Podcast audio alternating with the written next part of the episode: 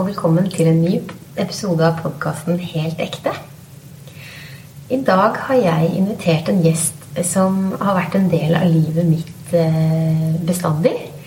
Eh, og hvis du ser for deg en teaterscene, så er hun på en måte en del av det bakteppet som du ikke legger merke til, men som er en del av livet uten at man vet hvilken påvirkningskraft det har. En del av underbevisstheten, kan du si. Fordi hun er moren til bestevenninna til søsteren din. Og hvis du ser for deg den scenen der jeg spiller hovedrollen, så har hun vært en liten detalj baki der som kanskje kan ha virka uvesentlig. Men hun har også vært gjenstand for fremsnakk eh, fordi mamma har sagt så mye positivt om eh, Gro alltid. Og etter at eh, hun forteller hva Gro gjør i dag, så har jeg blitt så nysgjerrig at jeg har invitert deg i dag, Gro. Velkommen. Kan ikke du fortelle litt om deg selv? Tusen takk, Cecilie. Jeg skal prøve så godt jeg kan.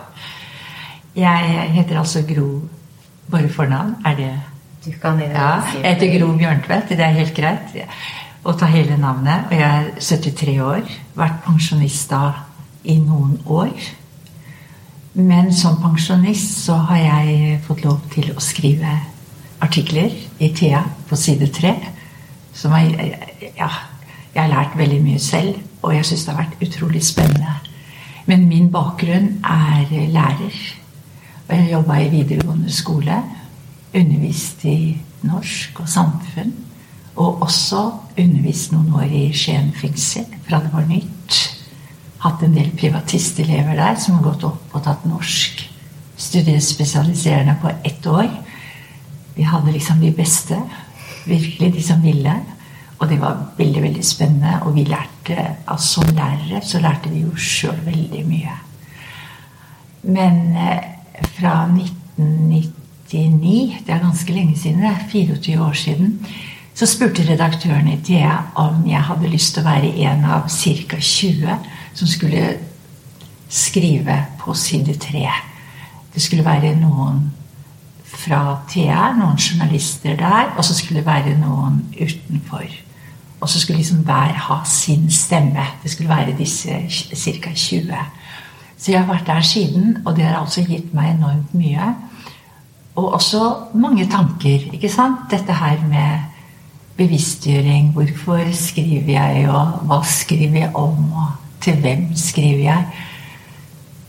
Så eh, det, er, det, det, jeg også har lyst til å si, det er at det, som pensjonist da, så har jeg liksom hatt den linken hele tida til, til, jobb og til samfunnet. Jeg har liksom ikke bare stoppet brått og så tenkt å gud, hvilket rom skal jeg vaske i dag, liksom? Eller hva skal jeg gjøre i dag? Jeg har hatt dette her, kunne gå inn i noe, gå inn i en liten boble. Lese meg opp til noe, og så sette meg ned og skrive på PC-en min. På det lille rommet nede. Eh, så, så det, det, har gitt meg veldig, veldig mye akkurat det. Så det er min bakgrunn. Det er så gøy å høre hvordan du lager ditt liv. Hvordan du gjør noe som betyr noe for deg, istedenfor å bare stoppe opp når man er pensjonist. Fordi man har jo et valg. Og du har jo også kanskje tatt andre valg enn mange andre damer. Uh, dette her handler jo om kvinner i dag. Fordi jeg har laget en bonusepisode med kvinnedagen uh, som uh, At vi skal feire kvinnedagen. Og, og, du har jo gjort en innsats for oss kvinner som kanskje vi i dag tar som en selvfølge. Og da jeg var yngre, så tenkte jo jeg at vi, Og feminist, det var jo et ord som jeg forbandt med barberte hoder og, og litt sånn Eh, uten bh og, og, folk som skulle trykke disse her ned som noen gærninger. Og jeg tenkte nei, feminist skal jeg i hvert fall ikke være. Og, og, og, jeg tenkte at vi har jo kommet så langt i dag at vi har like muligheter i skolen som menn eller gutter. Og det er så mye som er likt, så det, nå, nå, trenger vi vel ikke lenger. Og så har jeg jo sett, da, etter hvert som jeg har vært i yrket selv, og selv om mine kolleger har vært veldig inkluderende, så har jeg sett at det har vært en del sperrer eh, i hvordan vi blir tatt på alvor. Og så har jeg på en måte prøvd å finne spillereglene for å bli respektert på mennenes arena. Og det har jo jeg klart. Men likevel så har jeg jo sett at det er jo kanskje ikke meg. Det er jo en rolle jeg har tatt for å spille på lag med, den, med de mennene med deres verdier. Og så har jeg også begynt å se at eh, psykisk helse og ting som kanskje ikke har vært tatt på alvor i like stor grad eh, hos menn, eh, som jeg føler at det har en voldsom verdi. At jeg tør å prate den saken fordi jeg blir trygg på hvem jeg er som kvinne, da, kanskje heller. Fordi vi har kanskje ofte en kanskje større omsorg for andre. Eh, og du fortalte meg at du eh, gjorde en innsats for dette på 70-tallet. Kan ikke du fortelle hvordan det var å være deg på 70-tallet? Det var utrolig spennende å være ung på 70-tallet. Det var så mye som skjedde. Og jeg, jeg er kan-mag fra Blindern. Og hadde fagene pedagogikk, norsk historie jeg syns det var en utrolig spennende tid. Men det var jo så mye som skjedde da. Og jeg husker jeg sto på stand. Eh, vi kjempa for at det skulle være barnehageplass til alle. Det var jo slett ingen selvfølge. Og da mine barn var små Vi hadde jo dagmamma. Det var sånn korttidsbarnehage fra ti til to. Hvem i all verden kunne jobbe på den tiden? Men i hvert fall på Blindern, da jeg var der, så var det også den tiden man eh, kjempet for selvbestemt abort. At kvinnen selv skulle velge inntil tolvte uke, er det vel. Og jeg var ferdig Kan-Mag i 1977. Og den loven om selvbestemte abort i Norge den ble først vedtatt i 1978. Da var det i mange år vi hadde kjempa for det. For før det så var det en nemnd, altså en kvinne som ville ha abort. Mange ulike årsaker til det. ikke sant? Eh, hun måtte møte opp i en nemnd med kanskje fem eh, menn som satt der. Utlevere sitt seksualliv. Ikke sånn oppgi intime grunner til dette her. Det, det var så nedverdigende. Du skulle være sterk for det. Og, da, da, og liksom kvinnene da altså Vi, vi jobba veldig for det. Jeg kan også huske en av lærerne på universitetet. Hun er død nå. Hun underviste kriminologi. Hun er Tove Stangdal. Mange av disse sterke kvinnene de, de kom på banen, altså. Vi så liksom mer og mer urettferdighetene i samfunnet for menn og kvinner. Og Tove Stang Dahl sa selv at da hun var veldig ung, så ble hun gravid. Det var like før hun skulle begynne på studiet. Og hadde ikke hun kommet fra den familien hun kom eh, Foreldre som hadde ressurser, penger, kjente leger, kjente systemet. Hun fikk greit abort. Kunne begynne på studiet som hun ønsket, og ble senere professor også, hvis jeg ikke tar feil. Men hun glemte aldri dette her. Det kunne hun, fordi hun kom fra den familien. Mm. Og sånn vil det alltid være, enten ja, hvor enn i verden det er. Altså, kvinner kommer ikke til å Altså, vi vet de, de de, de, prøvde selv med strikkepinner den gangen, fattige kvinner, ødela seg sjøl for livet. Noen døde av det selvfølgelig også. Men andre som hadde pengesterke foreldre, de kunne reise til andre land, andre byer, og ta abort. Så derfor så vil det alltid være en forskjell. For det, det at man blir gravid, kanskje med barn nummer seks eller nummer sju eller nummer tre, eller man, om det bare er nummer én, du er veldig ung, du har lyst til å ta fatt på på studier. Det, det, har skjedd Man har hatt prevensjon eller ikke. Altså, det er så mange bakgrunner og årsaker til dette her. Men vi vet at uh, det problemet vil alltid være at noen ønsker abort. For de vil at barnet skal bli født inn i en familie. I hvert fall at man har ressurser til å ta seg av dette barnet. Vi vet at uh, samfunnet har sagt at uh, vi at eh, nei, vi skal hjelpe til, og Kirken skal hjelpe til, og alt mulig. Det er bare store ord. Det er ikke virkeligheten. Men det at vi skal få lov til å ta ansvar for våre egne liv og våre egne valg, det tenker jeg er veien til frihet. Og det er en annen dame som var aktiv på 70-tallet i USA, som heter Ayn Rand. Og hun var en kvinn, kvinnelig filosof. Og det igjen er jo kanskje en grunn til at vi ikke har hørt like mye om henne, fordi hun var kvinne.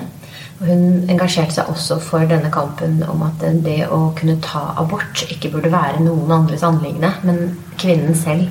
Fordi det er en frihet til å bestemme for oss. Uh, og jeg har faktisk sittet i den situasjonen uh, selv da jeg ha hadde to friske barn. Og vi bygget hus, og vi bodde litt i leiligheten vi påventa dette huset. Og budsjettet var sprengt, og jeg gleda meg til å jobbe og gjøre det jeg syns er gøy med jobben min. Og så blir jeg gravid med nummer tre. Og jeg har ikke fortalt det til så veldig mange, fordi det er fortsatt tabubelagt. Det er fortsatt en forventning om at man må jo bare få dette barnet. Eh, og litt kanskje farga av kristne verdier, der man gjør noe eh, Man tar et liv, man gjør noe forferdelig som kommer til å bli straffa på en eller annen måte av eh, universet. Eller, og da jeg så for meg alle scenarioer ved dette valget jeg da satt ovenfor, da, og heldigvis hadde jeg jo et valg, eh, så så jeg jo at jeg kan Jeg vil bli en dårligere mamma for jeg ikke ønsker dette barnet. Så jeg vil bli en dårligere barn, mamma for disse to barna jeg allerede har, som jeg prøver å være så god mamma for som mulig. Men jeg har jo også et ansvar for meg sjøl, for jeg har veldig mange ønsker om hva jeg ønsker å gjøre i livet. Og jeg vil også tenke på mitt liv. Og det var jo sånn jeg snakka om i stad med denne scenen der jeg spiller hovedrollen i mitt liv. Og jeg har ikke lyst til å ende opp som et offer der jeg eh, føler at jeg må ta valg ut fra andre, men jeg vil velge selv. Og sammen med mannen min, som jeg også Jeg ønsker å ha, være en kjæreste for han, og jeg ønsker at vi kan gjøre ting sammen. Og det var liksom en måte jeg hadde ønska å påvirke. Og heldigvis, takket være da at dere gjorde den kampen, så kunne jeg eh, enkelt ta en abort. Og jeg sa da jeg tok en tablett på sykehuset, at jeg takka for at vi bodde i Norge. For dette var en fantastisk frihet å kunne gjøre. Så tusen takk, Ro. Det Cecilie, det er, det er i hvert fall eh, en glede å tenke på at man har eh, vært med og bidratt. At man var bare en bitte, bitte liten brikke i det store spillet. Men man levde liksom, man engasjerte seg. Man levde i et samfunn. Man levde for noe annet enn bare seg selv. Så jeg syns det var så spennende. Og så ser man også at denne abortkampen den, det, det, er jo ikke en selvfølge. Og i andre land nå, hvor man ser at det, man, det, er, det er forbudt å ta abort. Og hvem er det det rammer? Det rammer fattige kvinner. For alle de andre de vil kunne klare å komme ut av det. Sånn er verden, og det vet vi. Mm, det øker forskjellene. Det, det er det det gjør. Det øker forskjellene. Og det har vært mange sterke kvinner opp gjennom historien. Og jeg vet at du har skrevet om Ibsen i din eh, side tre en gang. Og jeg har også hørt om Camilla Collett, som kjente Ibsen. Og hun var jo faktisk en av de første feministene. Uten at hun ville identifisere seg som feminist. Hun kjempa en kamp for å bli tatt på alvor og skrive det hun ville, og gjøre det hun ville i en tid der det ikke var greit. Og, og etter hvert som andre kvinner begynte å se opp til henne, så dytta hun det litt vekk. Hun ville ikke ha den posisjonen. Hun hadde ikke jobba for andre. Hun hadde egentlig bare jobba for sin egen frihet og sin egen eh, mulighet til å gjøre det hun vil. Men hun inspirerte veldig an mange andre ved å være den personen. Og, det betyr da eh, Det betyr hvor viktig ett menneske kan være. Og det er så spennende det du sier, Cecilie, for jeg tenkte på det samme.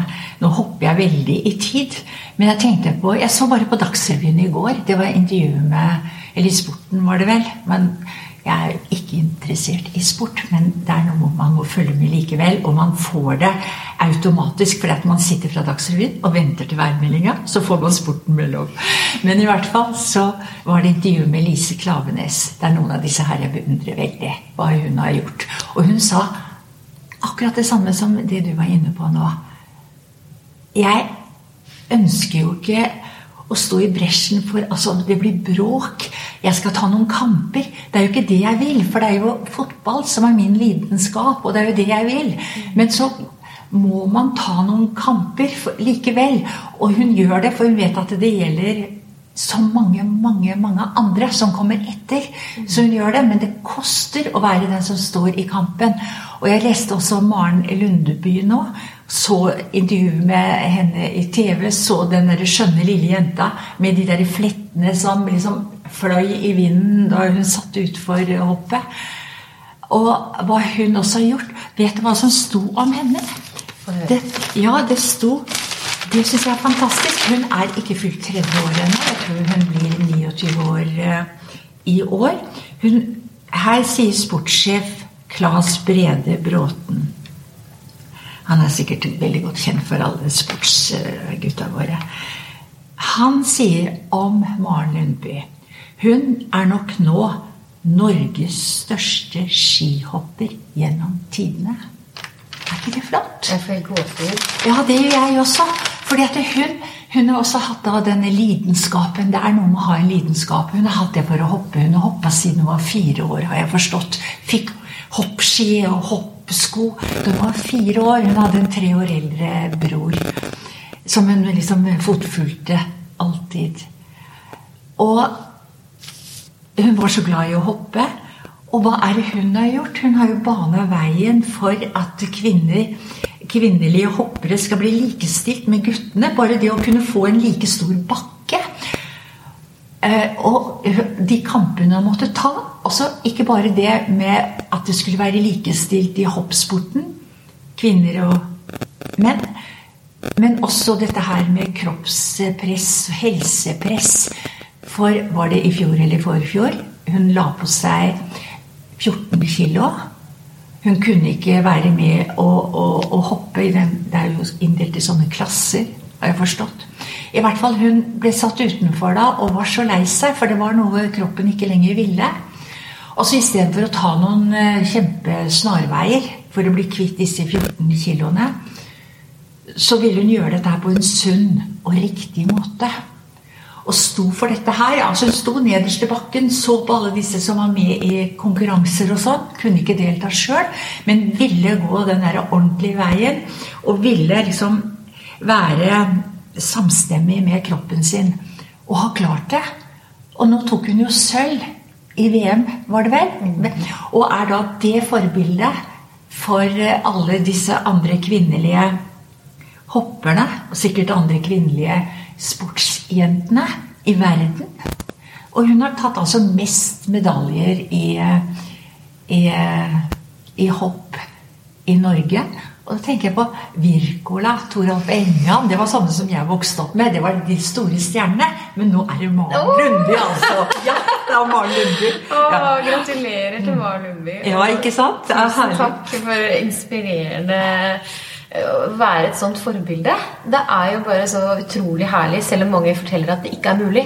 Så mange som har vedtatt den sannheten at jenter eh, Det er for farlig for jenter. Og kanskje da til og med for å sette en standard der vi vil unngå ulykker. Men det er jo veldig mange regler som blir laget i frykt. Av frykt. Så det er derfor vi må tenke litt nytt. Og det er bra at noen baner vei når det er noe vi tror på. Og eh, jeg tenker jo igjen med denne scenen, da. Når jeg snakker om den scenen i innledningen og sier at jeg vil spille hovedrolle i mitt eget liv, så kan det høres veldig egoistisk ut. Men jeg tenker jo at det er en sunn egoisme som flere burde kanskje eh, tenke, i stedet for at de skal bare spille en birolle i andres liv. Og det er den posisjonen jeg føler veldig mange har når de kommer inn til meg med kjevelettsproblemer og mage-tarmproblemer fordi de er så stressa. De ofrer seg for alle, og de vet ikke egentlig hva de selv vil. Fordi det blir bare på mann og barns premisser, der de skal holde familien samla, de skal jobbe. Takket være at dere gjorde en kamp på at man skulle ut i arbeidslivet. Men de skal ha alle de gamle rollene også. Så det har ikke blitt den friheten man tenkte fordi vi skal være alt. Vi skal både være mennene og vi skal være damene. Fordi vi er fortsatt ikke likestilt med tanke på verdien vi har som mennesker. Og jeg ser at det er ikke mennenes feil, for mennene klarer fint å sette grenser for seg sjøl ut ifra at deres rolle har ikke forandra seg like mye. Mens vi sliter fortsatt veldig mye med å sette grenser for oss sjøl og se hvordan vi vil forme våre liv sånn at vi har det bra med oss uten å ofre oss for mye for andre. Og Og jeg tenker jo bare ved måten vi har prata sammen på i, i, forbindelse med planlegging av denne podkasten, så har du vært veldig tydelig i kommunikasjonen på at nei, det passer ikke å prate akkurat nå. Kan du ringe meg senere? Det var en sånn fin, tydelig grense som veldig mange ville kvie seg for å si, i frykt for at andre ikke skal like en. Samtidig også, da vi eh, snakka sammen, så var du veldig nysgjerrig på om dette var noe du kunne stå inne for og ville være med på, istedenfor å bare please meg ved å være med uten å vite hva du kasta deg inn på. Og, og jeg syns det viser hvem du er, og jeg respekterer deg for det. Og så er det også, når vi da skulle snakke om sted, så var det det at det, det passa best om vi gjorde det um, på dette, et annet sted enn akkurat i din leilighet. Og det, det, er en sånn fin grensesetting som kanskje du tar som en selvfølge fordi du er den du er, men som jeg møter veldig veldig mange som ikke klarer å sette de grensene, for de er så redd for hva andre skal synes om de, og ikke like de fordi de tydelig kommuniserer hva som er viktig for de. Er det noe du tenker på, eller tar du det bare som en selvfølge? Eller hva tenker du når jeg sier det? Og jeg syns det er interessant å høre deg si det, Cecilie. Fordi eh, jeg kjenner meg så godt igjen. Husk på, jeg er 73 år. Jeg er generasjonen eh, før deg.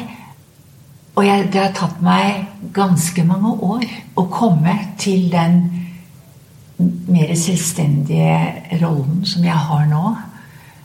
Eh, og det å kunne sette tydelige grenser ah, det, er, det, er jo først som godt, godt voksen at jeg har kunnet det. Mm. Før var jeg den som skulle please. Eh, det, så det, det, er vel en trening og en bevisstgjøring, det der der. Og, det, og derfor er det så viktig å ha gode rollemodeller. Jeg syns jeg også har hatt mange fine rollemodeller opp igjennom. Men det har tatt altså mange, mange år. Men jeg tenker også det der med å være sjef i eget liv. Jeg, tenker, eh, jeg husker da jeg jobbet i fengselet, så, så snakket vi så det, det, var eh, særlig menn jeg hadde. Det var stort sett eh, mannefengsel, dette her. I begynnelsen så var det også litt kvinner i Skien fengsel. Men det ble etter hvert bare for menn. Derfor så hadde jeg oftest menn som tok eksamen, og vi snakket om dette her å være konge i eget liv. At man ikke skulle gjøre alt for, eh, for alle andre for å bli likt og sånn. Og det, det, det, det skjønner jeg jo. At det, Derfor tenker jeg at de ungene som er så heldige å ha trygge oppvekstvilkår, ha en mamma eller pappa, eller kanskje bare én av dem, kanskje bor på hvert sitt sted, men likevel som gir ungene trygghet, og dermed også selvtillit, tenker jeg. Det er jo så viktig. Det er kanskje det viktigste av alt. Mm. For da får man ikke det, så er det jo Så vil du jo Du, du higer etter å bli likt av alle andre. Mm. Så det, det, er så viktig. Og jeg tenker nå Heldigvis Jeg, jeg syns vi har kommet veldig langt. Det er 110 år siden alle kvinner i Norge fikk stemmerett. I år. Mm. Ikke sant? 1913. 110 år. Liksom. Elitejubileum. Mm. Så jeg syns vi har kommet veldig langt. Når jeg ser på min svigersønn, f.eks., og, og ser hvor mye han er på banen i huset Veldig mye på banen. Så var det liksom utenkelig i mitt liv mm. den gangen jeg var gift. Mm. Eh, så jeg syns de har kommet veldig langt. Men det er ingenting som er selvfølge. For det er også det er, det er, noen som faktisk går tilbake. Mange steg tilbake. Mm. Og som du sier også, vi skal velge. Vi er forskjellige. Og alle skal ha rett til å velge sitt liv og hvordan de vil leve. For all del. Men jeg syns det er litt trist når det fremdeles er en del som bare tenker på Utseende. Klær. Altså lange negler, klær.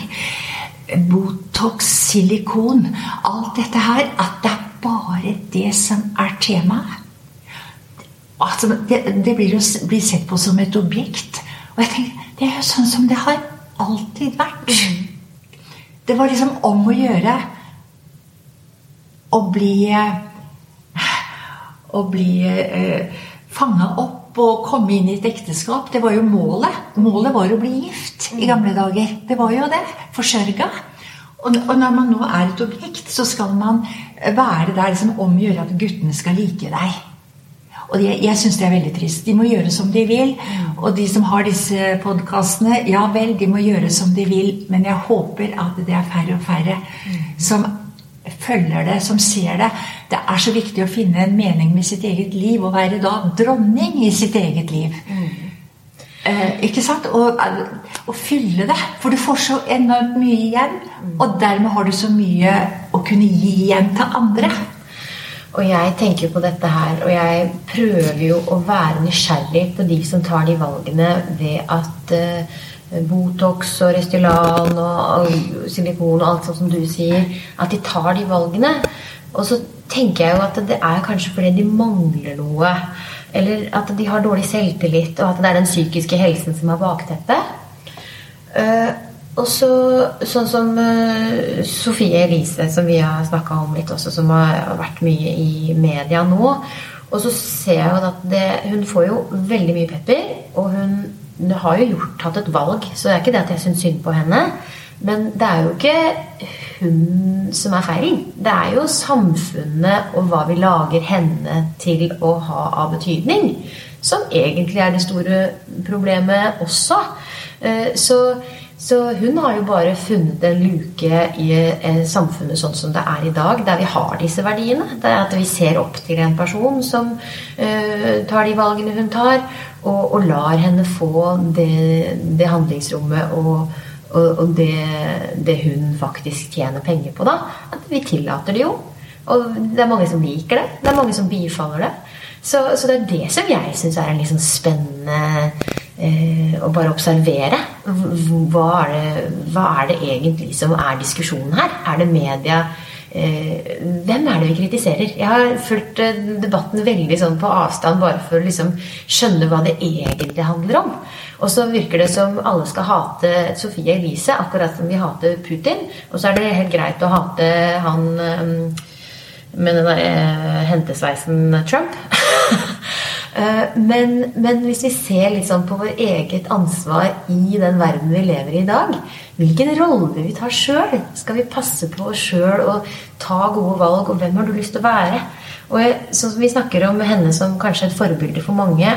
Og det kanskje du synes, og vi syns er litt trist at det er mange som ser det som det idealet og har lyst til å være når de er små og ikke kan sitte og re reflektere over eh, kvinnens rolle i samfunnet, sånn som du og jeg gjør etter å ha levd noen år. Men eh, ja. ja. det er interessant. Man har liksom ikke kunnet unngå å, å lese litt eh, eller høre litt om Sophie Elise. Og da jeg så et bilde av henne nå Det, det, det popper jo opp ikke sant, på, på, mobiltelefonen og nyhetene.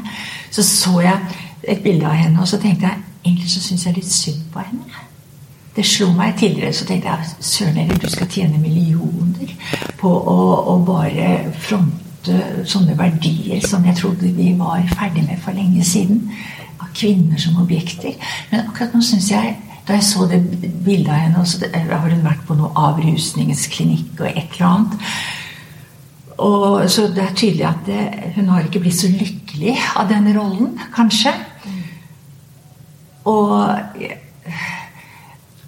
jeg tenker ja, Altså Det er mange som tjener penger på henne fordi at hun, hun går i bresjen for klærne, for bilen, for leiligheten, for sminken. For alt dette her hun da skal promotere ikke sant? På, på, med sine følgere. Og det er det andre som tjener penger på. Masse penger, Og hun tjener masse penger på det, hun også. Men hun har jo også et valg. Og kanskje ikke gjøre det. Men hun har kanskje nå blitt så fanga i dette her at det bare fortsetter og fortsetter. Men ok, altså som du sa innledningsvis også Vi har alle et valg. Vi har det. Men da tenker jeg på da andre rollemodeller som jeg håper kan gi døtrene våre eh, andre verdier. Jeg må bare si også verdier som føles mye mer meningsfulle ut. Og jeg tenker også at det, det, det, er også forskjell. Altså, Er du vokst opp i et hjem hvor du har Det, det er jo statistikk som sier, forteller om dette her. Er du vokst opp i et hjem med bokhyller fulle av bøker og foreldre, begge foreldre i meningsfulle jobber, så går det nesten av seg selv at du følger fotsporene til foreldrene. Det er jo virkeligheten. Er du ikke vokst opp i et sånt hjem, så ligger det ikke i korta at du skal prioritere utdannelse, studier, finne deg et yrke som du kan vokse i, utvikle deg i. Og, og gi deg glede resten av livet. Ikke bare noe du skal gå til for å gi deg penger til husleia, men som gir deg mye. Det er forskjeller allerede der, ikke sant? Men ok, da kan man kanskje være med på at kulturen vår, avisene våre, eh, TV, podkastene At det, det, kommer noen inspirasjoner derifra. Og så da har jeg tenkt også med eh, etter hvert mine skriverier For det, jeg har faktisk skrevet nå i tida i 24 år. Yes, det har jeg. Jeg var med fra starten av i 1999, da meldingen spurte om jeg vil være en av de 20 som ville gi side 3 en stemme. Og vi er noen få igjen fra den gangen. Og det, I begynnelsen så var det å skrive om litt her og litt der, og det som falt en inn. Men etter hvert så, så tenkte jeg litt mer på hva, hva er det jeg egentlig vil skrive om? Hva er det som er viktig? For en kjensgjerning er også at det, det er flest menn som skriver i aviser. Og det de skriver om mest, det er menn. Det er også statistikk. Så tenker jeg Da får jeg begynne å skrive litt om kvinner. Jeg har også skrevet mye om eh, kulturlivet. for at det, Og ikke minst etter eh, pandemien så lå den brakk. Ikke sant? Det var tungt for veldig mange å komme seg ut på kino, på teater, utstillinger. Eh, så det, det var litt om å gjøre å få de opp fra sofaen igjen. Og skrive om det, for kultur er dønn viktig. Det er jo livet i et samfunn, og det, der kan vi hente mye, altså. Få en til å tenke annerledes, ikke bare på om neglene er pene. Men, eh, eh men eh, da vil jeg skrive om kultur fra kulturlivet. Og så hadde jeg lyst til å skrive om kvinner som har gått i bresjen. Det syns jeg har vært veldig viktig, og den prisen de har betalt. Mm. For det er jo ikke lett å være den som går mot strømmen. Og jeg, når vi snakker om kultur, så har ikke jeg helt forstått uh, poenget med kultur. Jeg har tenkt at kultur er noe man gjør for å utfolde seg selv. Mens når jeg da har blitt voksen og sett hva Ibsen faktisk prøvde å si den gangen han skrev, og han var så langt forut for sin tid at han har kanskje til og med ikke fått så mye kred som han burde ha. Uh, og hvordan han setter verden i en bilde som man uh, man fortsatt i dag kan liksom skjønne Å, er det det han mente med at uh, mennesker er sånn at verdiene, sånn som Dovregubbens hall, da, med, med, fint og flott og kroner og fancy folk Og så når man da ser bakenfor det sløret, hvor stygt alt er Og det tenker jeg da med de overfladiske verdiene som vi da har i samfunnet, at det er der for å lure oss litt til å tenke at dette er så flott. Mens hvis vi ser litt bak, hvor trist det er og, og hvor, hvor, fælt det er. Og vi ønsker jo Jeg ønsker jo i hvert fall veldig mye at vi skal få kunnskap sånn at vi kan forstå hvordan vi kan få det bedre. Hvordan da i Norge, som jeg har veldig veldig troa på fordi vi har det fantastiske skolesystemet der det er så mange, mange som vil. Men vi er tufta på så veldig veldig gamle verdier og så veldig veldig gamle tradisjoner i en tid der det var nødvendig. Men nå er det så mye som har endra seg, så vi må begynne å se ting med nye øyne, med ny kunnskap. Og, og, og, se hva som har en verdi, som vi har lyst til å gi videre til våre barn.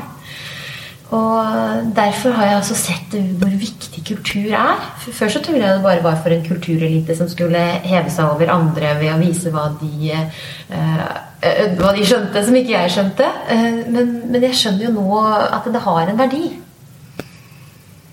Og jeg syns det er så spennende at du, du eh, henta fram uh, Ibsen. Jeg kom jo fra Ibsens uh, fødeby, Skien.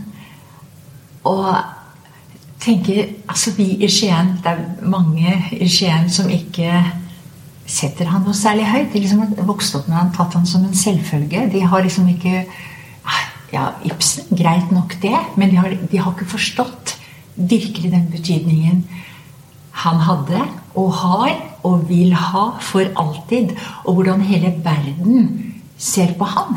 Han og Shakespeare. Det, det er jo topp.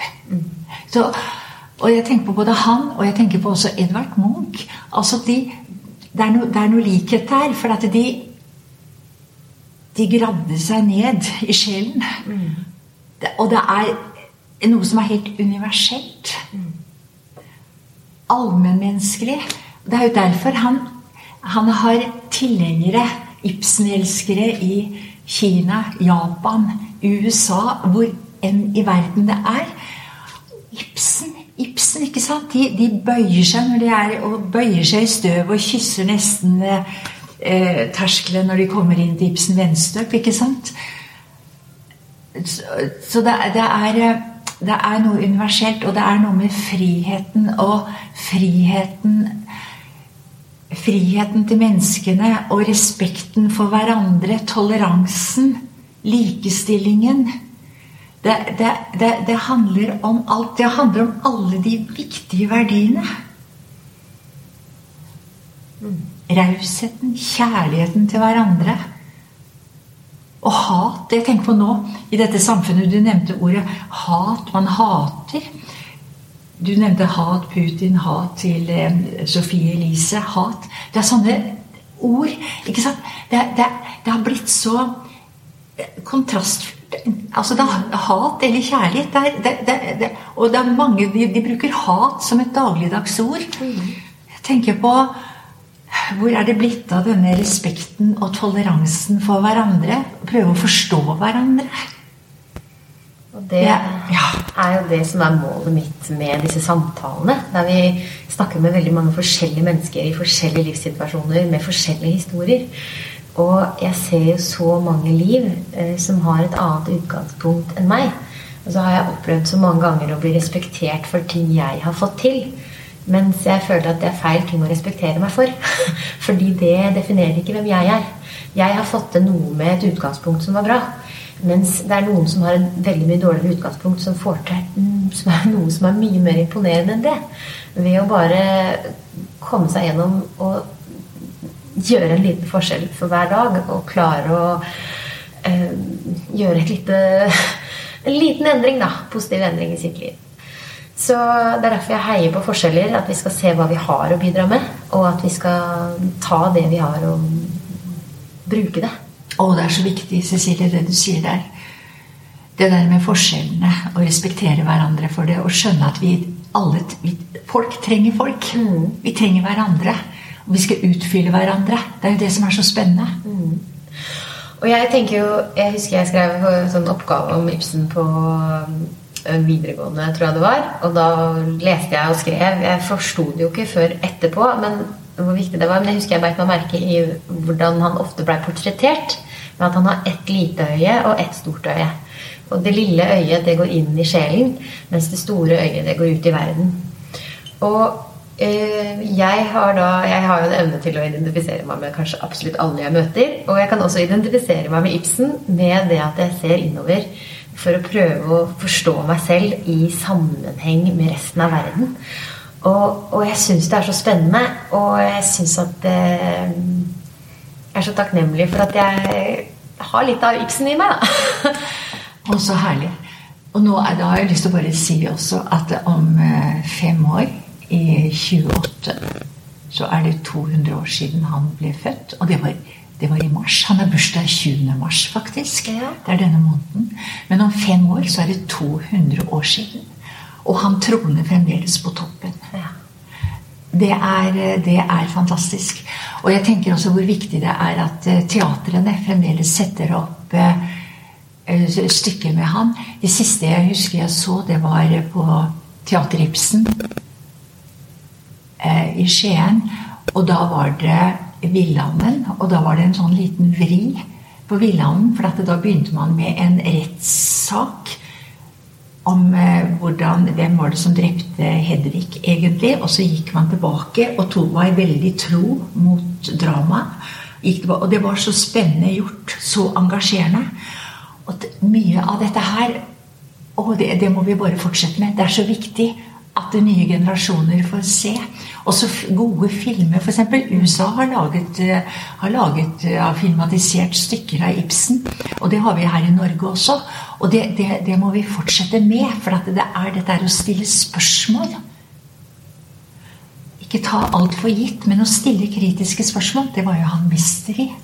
Og det er jo litt sånn når vi snakker om at i dag skulle vi gi fokus til kvinner, og så ender vi opp med å prate med Ibsen. Men det er jo akkurat fordi at han var kanskje en enda mer bevisst feminist enn Camilla Collett selv i den perioden da de kjente hverandre, faktisk.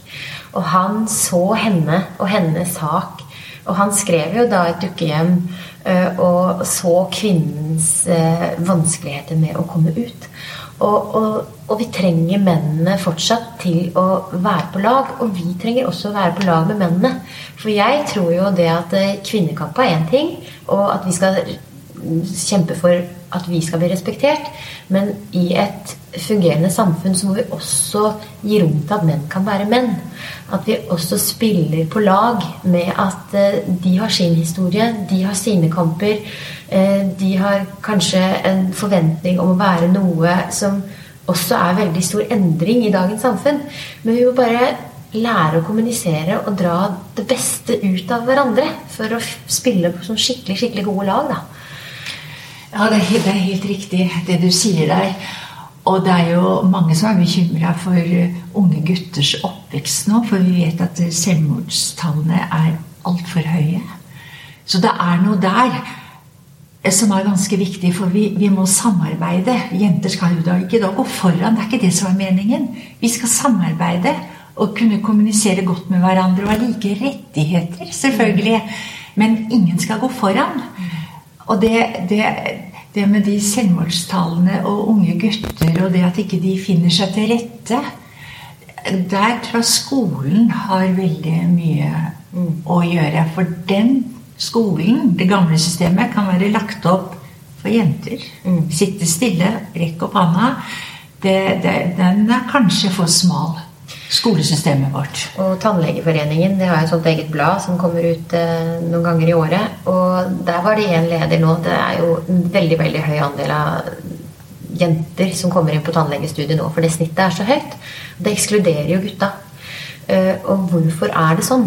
Og det er jo akkurat som du sier, fordi skolesystemet da favoriserer jenter. Og det betyr jo ikke det at jenter er vinnerne i det. Fordi eh, det viser seg kanskje at utviklingen går i det at det blir mindre frihet i å være tannlege. Mens gutta finner alltid en vei, for de er kanskje mer kreative. Og selv om de da overlever et skolesystem, så finner de nye måter å gjøre det på. Fordi de har kanskje en, noe i seg der de søker andre ting og får ting til å skje likevel. Så, så, de som ikke ender opp med å ta livet sitt, de finner kanskje en vei uansett. da. Og det er litt artig, for jeg var på um, en sånn show med Tolv gode råd av Atle Antonsen og um, Bård Tufte Johansen. Og der var det én av poengene var uh, Før så ønska man alltid å få en gutt hvis man skulle få et barn. Og nå ønsker man kanskje heller å få en jente fordi det er mindre utfordringer. Og det, statistikkene ser bedre ut med både utdannelse og, og, og, psykisk helse og alt det der.